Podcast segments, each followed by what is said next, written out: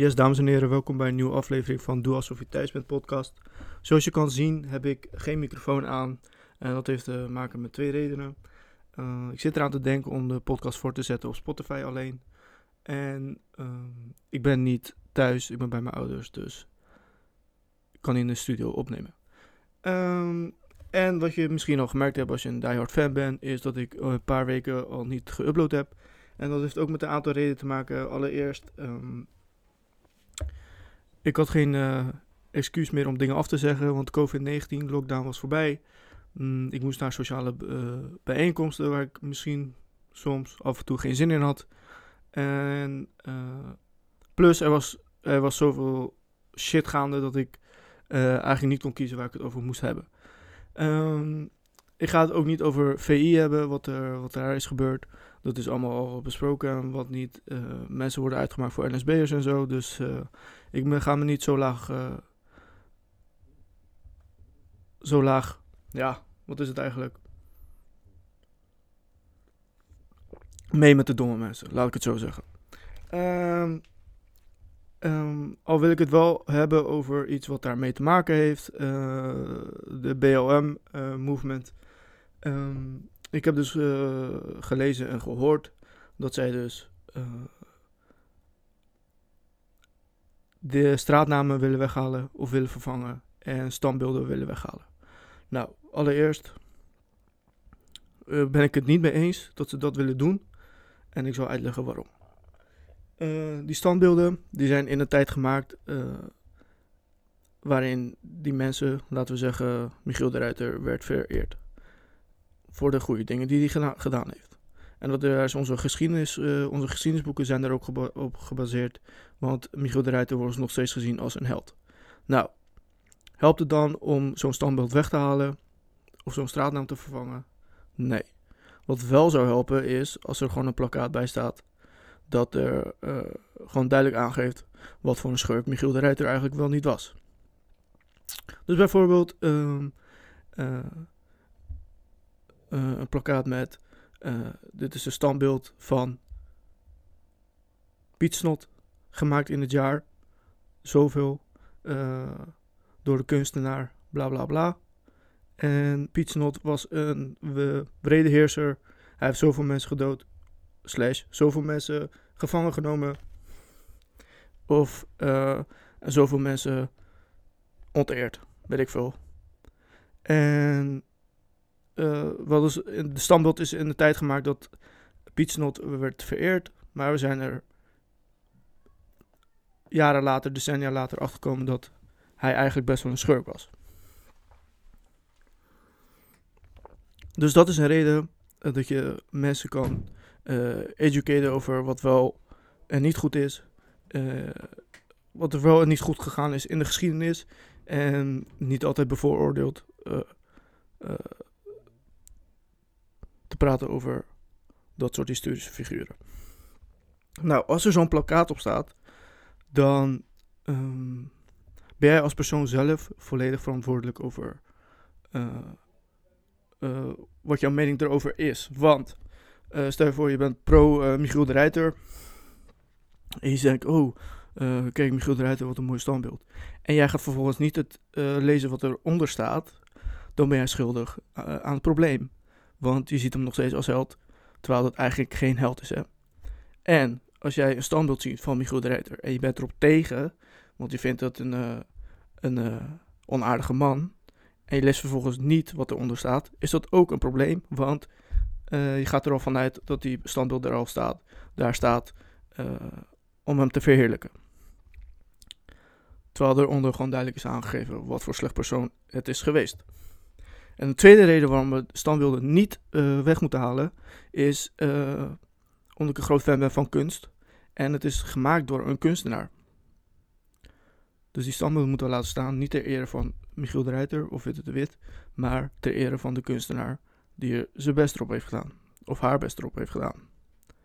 En sommige mensen zeggen, oké, die standbeelden prima, maar zet dan in een museum. Maar dat is onzin, want dan is het nog steeds beperkt door een ja, ik wil niet zeggen elite, maar toch wel tot een bepaalde, bepaalde soort mensen die uh, naar musea gaan. En dat zou zonde zijn. als het gewoon in een publieke ruimte is, loopt iedereen er voorbij. Uh, leren ze een stukje geschiedenis als het uh, als plakkaat erop duidelijk is aangegeven wat, voor mens het is of wat voor persoon het is geweest. En ten tweede, terwijl ik even slok nu van water, is um, de straatnamen. Wat een onzin is dat zeg. Waarom zou je. Weet je hoeveel witte de witstraten er zijn in Nederland? Weet je wat voor logistiek probleem dat zou, uh, dat zou veroorzaken als we alles zouden vervangen? Dan zou iemand zeggen: hey, uh, woon je nog steeds in de Witte de Witstraat? Nee, man, ik woon nu in Zwarte de Pietstraat. Hè? Zwarte de Pietstraat.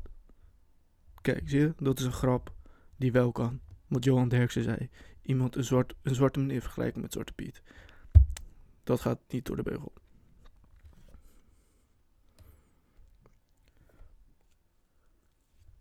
Dus dat wilde ik er even over kwijt. Uh, voor de rest, ja. Ga ik het niet, verder niet hebben over VI. Ik, uh, uh, nee, nee, ik ga mijn tijd er niet aan verdoen. niet meer in ieder geval. Ik heb al, maanden hiervoor al aangegeven wat ik ervan vind. En ja, geschiedenis herhaalt zichzelf, weet je. Dus als je benieuwd bent wat ik ervan vind, moet je volgens mij de tweede of de derde aflevering op YouTube even gaan kijken. Doe alsof je thuis bent. Um, voor de rest wil ik het even hebben over een uh, documentaire dat ik gisteravond heb gekeken. Dat uh, best wel veel indruk op mij heeft achtergelaten. En het is een beetje een slome docu. Dus het is niet voor iedereen. Ik, ik, ik ga het ook niet aanraden om het te kijken. Je, zou echt eh, tijd vrij moeten hebben om het te zien en echt in te komen.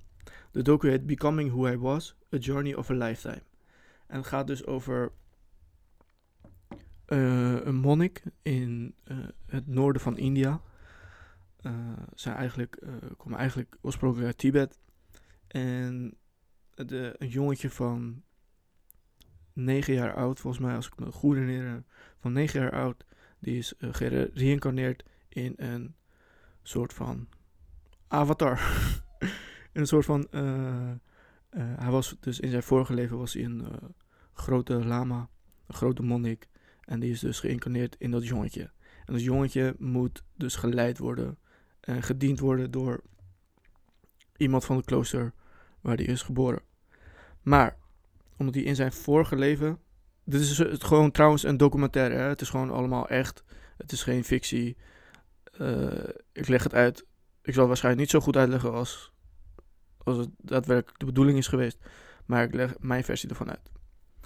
Dus, uh, omdat hij in zijn uh, jongetje in zijn vorige leven in, een, in Tibet heeft gewoond, moet hij in dit leven, als hij ouder wordt, terug naar, de, naar zijn andere, naar de plaats waar hij dus geleefd heeft in zijn vorige leven. Vandaar dus Becoming Who I Was. Dus hij gaat in zijn leven terug naar de plaats. Maar nu is er een probleem. De plaats waar hij heen moet heet Kam. K-H-A-M. Eh, het ligt aan de grens van India naar Tibet. Maar zoals jullie weten zijn het de Chinezen, de tyfus Chinezen. Die zitten allemaal te janken over van... ja, Iedereen noemt me poep Chinees, maar ondertussen hebben ze ruzie met India. Hebben ze Tibet overgenomen. Weet je wel, ga eerst, luister, ga eerst al je eigen shit oplossen voordat je hier komt overlopen janken van... Hé, hey, ze noemen me spleetoog. Hou je bek. Als jij zodra je opkomt voor Tibet, dan mag jij lopen janken over... Ze noemen me spleetoog. Hetzelfde geldt voor, uh, voor de Turken. Hey. Als jij gaat lopen janken dat je wordt gediscrimineerd, Ga eerst de, de genocide van Armenië herkennen. Ja? Hetzelfde geldt voor uh, alle Serviërs. Zodra je geen janker dat je wordt gediscrimineerd hier zo in Nederland, ga je je excuses aanbieden aan alle Bosnische moslims die jullie hebben vermoord. Wie kan ik nog meer? Uh, oh ja, Marokkanen, hè? Eerst lopen janken dat ze hier worden uh, gediscrimineerd. Maar in thuisland uh, slachten ze hele normale stammen af. Hè? hier een beetje homo's pesten, maar jullie koning is eigenlijk een beetje hè, van de verkeerde kant. Nou ja, volgens jullie van de verkeerde kant. Eh, wat nog meer? Wie moet ik nog meer pakken? Mm, eh, ja, Iranezen. Ja, daar heb ik eigenlijk geen goed van eh, woord voor over. Iranezen, janken dat ze worden gediscrimineerd hier zo met hun grote neuzen. maar vervolgens wel mensen in de fik steken en mensen als slaven behandelen. en wie nog meer? Let's go, ik ben on a roll. Uh, Nederlanders die denken dat ze, die, uh, zodra iemand iets zegt, dan zeggen van, ja, dan ga je toch lekker terug naar eigen land. Oh, dan zullen we over Zuid-Afrika erbij halen, erbij halen. Al die witte boeren die daar uh, denken dat uh, Zuid-Afrika van hun is en gaan lopen janken dat ze niet meer in het parlement zitten en nu gediscrimineerd worden zogenaamd en zo.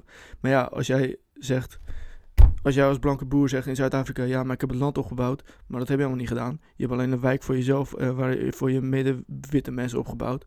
En nu gaat lopen janken dat uh, de arme zwarte mensen, uh, waarvan het land van hun is eigenlijk, zeggen van, ja, gun, ons ook, gun, gun ons ook iets, want jullie komen hier zomaar wonen en denken dat het land van jullie is. Ver, vervolgens lopen janken dat je wordt gediscrimineerd. Hou back. Oké, let's go. Waar was gebleven? Documentaire. Dus de probleem was dus de mensen die het jongetje uh, zouden ophalen, die kwamen maar niet. En dat jongetje had dus uh, een diener, iemand uh, die hem moest helpen om hem te educaten over het boeddhisme, wat het, komen, het worden van een goede lama. Maar die man die hem moest helpen, was ook een monnik, maar die was heel erg oud. Eigenlijk te oud om voor een kind te zorgen. Het is een soort van uh, pleegvader voor hem geweest.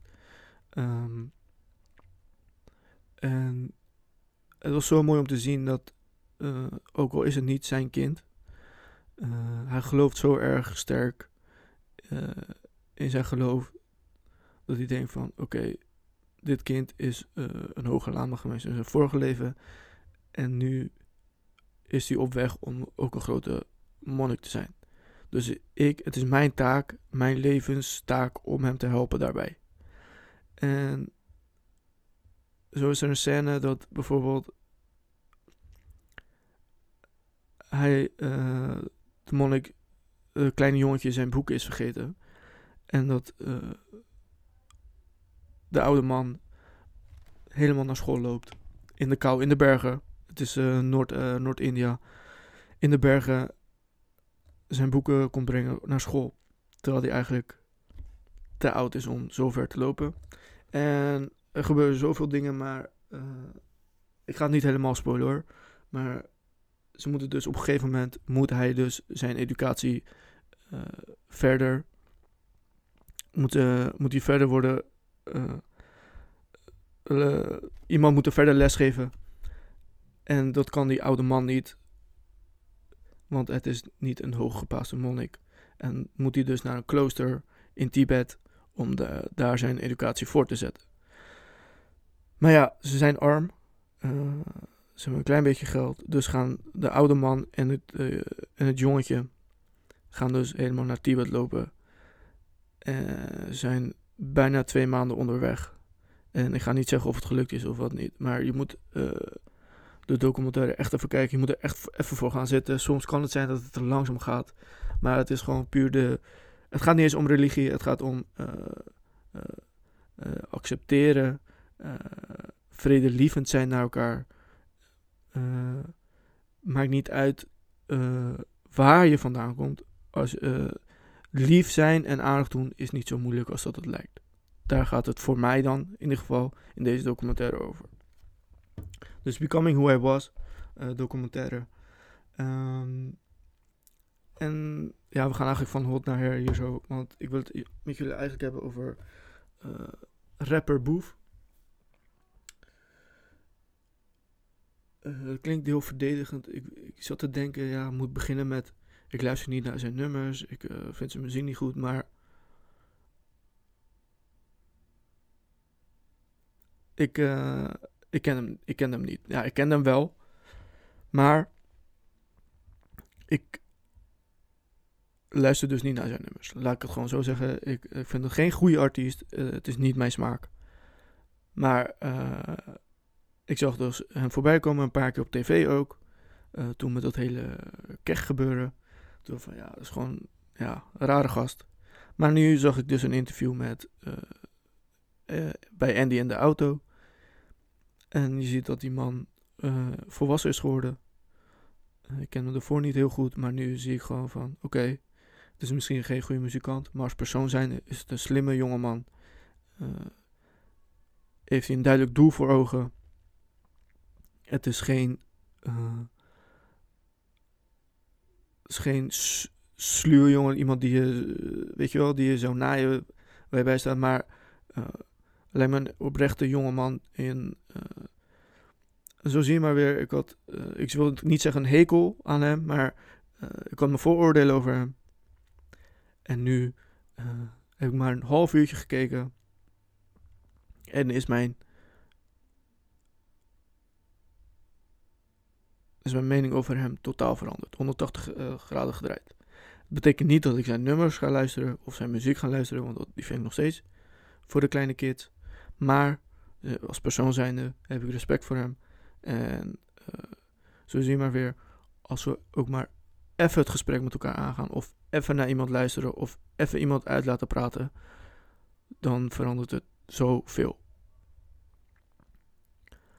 Uh, dus dat wilde ik even zeggen. En in, de, in, het interview zelfs had hij het over. Toen dat met dat hele keg gebeuren. Hij noemde dus een paar meisjes keg. Wat uh, een ander woord is voor. Ja. Hoer of zoiets. Ja, voor prostituee. En daar was dus eigenlijk hetzelfde met VI eigenlijk aan de hand, hè? want hij werd geboycott. Boef werd geboycott en uh, is, is, daar in, dat, in die periode dus een miljoen euro misgelopen. Hij persoonlijk eh, is dus een miljoen euro misgelopen. Dat is wat anders dan als een zender een miljoen euro kwijt is. Want dat hoeft uh, Wilfred Gené, uh, Johan Derksen of René van der Gijp... hoeven dat niet uit hun eigen zak te betalen. Nee. En nu is iedereen over de rooien over dat het werd geboycott. Maar toen Bo Boef werd geboycott, vond iedereen het prima. En lekker zijn geld uitpakken en terugsturen. Naar zijn eigen land. Oh, jezus. En uh, ja, weet je, dubbele standaard, dat is het probleem wel in Nederland. Ik geloof niet dat uh, Nederland zo erg racistisch is als sommige mensen ge aangeven. En ik geloof mij, ik heb zoveel, uh, zo vaak met discriminatie te maken, te maken gehad. Is niet op 1, 2, 3, 4, 5, 6, 7, 8 handen te tellen, geloof mij. Maar uh, geloof me, de meeste mensen zijn, deugen gewoon en zijn niet racistisch. Dat wil niet zeggen dat ze geen racistische opmerkingen kunnen maken, maar een dubbele standaard is er wel zeker. Uh, misschien wel meer dan discriminatie zelf. Um, ja, ik, wilde, ik weet eigenlijk niet of ik het erover wilde hebben, maar laat ik het doen. Mm. Erik van Muiswinkel, heet hij zo. Hoofdpiet, ex-hoofdpiet. Luister, als jij pro-zwarte Piet bent. En Erik van Muiswinkel, ex-hoofdpiet. Die zegt tegen jou: Luister, ik heb jarenlang hoofdpiet gespeeld. En nu schaam ik me ervoor. En kijk ik heel anders tegen de discussie aan. Wie de fuck ben jij dan om dat te negeren? Hè? Als jij zo erg van Sinterklaas houdt, dan moet je ook hoofdpiet serieus nemen, toch? Hè? Als volwassen man zijnde. Als volwassen man loopt te schreeuwen tegen demonstranten. Als je Sinterklaas zo serieus neemt en hoofdpiet zegt tegen jou: het is wel een racistische karikatuur. Shut the fuck up en ga lekker in een hoekje zitten.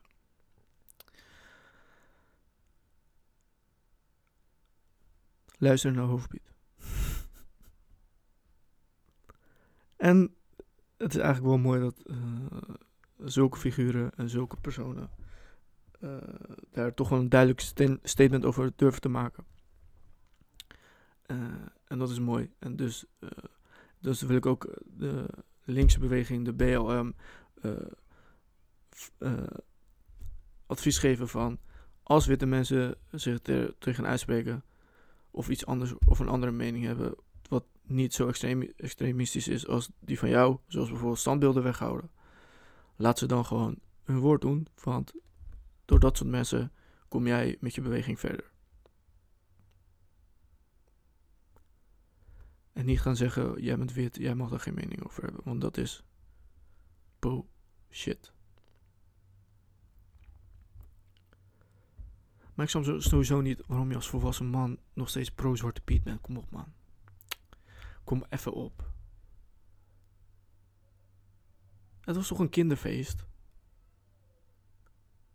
Het is toch voor de kinderen? Dat is toch jullie tweede. Eh, de tweede reden wat jullie altijd zeggen. Eén, het is, een, het is uh, traditie. En twee, het is een kinderfeest. Dat is het toch altijd.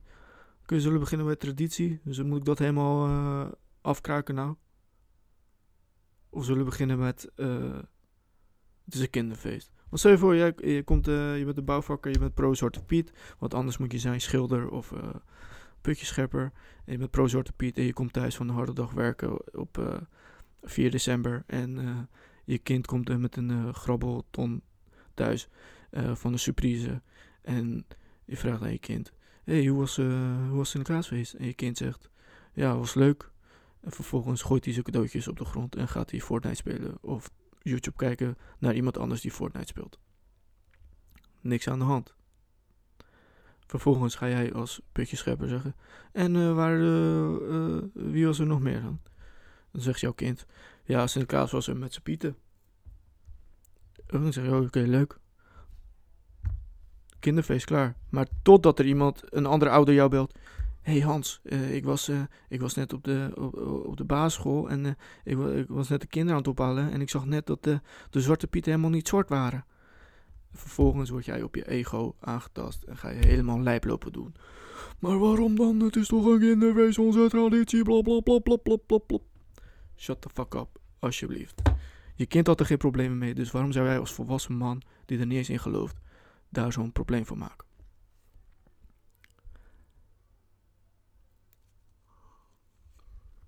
Maar stel je voor, je hebt een slim kind. Hè? Je bent pro-Zwarte Piet en je hebt een slim kind. Ik weet, het is raar. Het is eigenlijk niet voor te stellen, maar doe even je best. Gebruik je fantasie. Je bent dus pro-Zwarte Piet en je hebt een slimme kind. Een slim kind. Dus jouw dochter komt naar je toe, ze is heel slim. En ze zegt, uh, komt net van school, van de basisschool. En ze zegt, uh, pap en mam, uh, ik had net, we hadden vandaag Sinterklaas verjaardag. En ik vroeg me even af waarom ehm, de Pieten vorig jaar nog uh, een racistische karikatuur waren. En waarom dit jaar anders is, uh, anders is gedaan. Uh, zodat mijn donkere klasgenootjes ook konden genieten van het feest. Um, is, is dat omdat we als land zijn, gegroeid zijn en elkaar omarmen in plaats van afstoten? Is dat het soms, papa en mama? Hè? Hè? Wat ga je dan zeggen als ouder zijn, hè? Als pro-zwarte Piet ouder zijn? Ga je dan zeggen, nee, we, het is traditie, uh, we, moeten, we moeten ze zwart houden als de nacht? Met uh, rode lippen en uh, en oorbellen. En het liefst nog kettingen eraan vast. Ja, ga je dat zeggen tegen je kind? Ik denk het niet. oh mijn god, wat een zwak begaafde mensen. Oh ja, ik wil nog een loser van de week doen voordat ik het af sluiten. Loser van de week. Uh, ik weet niet of jullie het gezien hebben. Racisme debat geleid door Jart Kelder. Uh, een voormalig uh, loser van de week. Maar deze loser van de week gaat naar het MS mevrouwtje, dikke MS mevrouwtje die daar zat. die claimde dat ze werd gediscrimineerd in Nederland. Hè? Ze zegt, ik heb MS en ik word gediscrimineerd in Nederland. en het, hey, MS, erge ziekte. Ik maakte geen grappen over, maar zij zei het zelf. Het eerste wat ze zei, ik, ik ben uh, uh, Fred onderkin, uh, Ria onderkin en ik heb MS. Dus daarom noem ik haar zo. En vervolgens zei ze tegen van, ja, je moet niet zo janken. mensen, die, mensen die echt werden gediscrimineerd, zegt ze... Je moet niet zo janken, schrijf een boek. oh mijn god. Maar en shout-out naar uw mevrouw Ria Onderkin. Je bent de loser van de week. Oh mijn god. Educate yourself, people. Educate yourself. Ga niet, ga niet te extremistisch. Extremisme is niet goed. Mensen NSB noemen is ook niet goed. Uh, standbeelden weghalen is ook niet goed. Uh, het ermee eens zijn dat Poef wordt geboycott, maar uh, Johan Derksen niet, is ook niet goed. Ja, opbouwen met Zwarte Piet. Dat is het enige wat ik wil zeggen. Nou, misschien volgende week meteen al een nieuwe, uh, nieuwe aflevering. Ik laat het. Uh, ja, je ziet het vanzelf al. Het komt online of niet. En ik moet nu gaan, want dan gaan mensen huilen nu. Laters.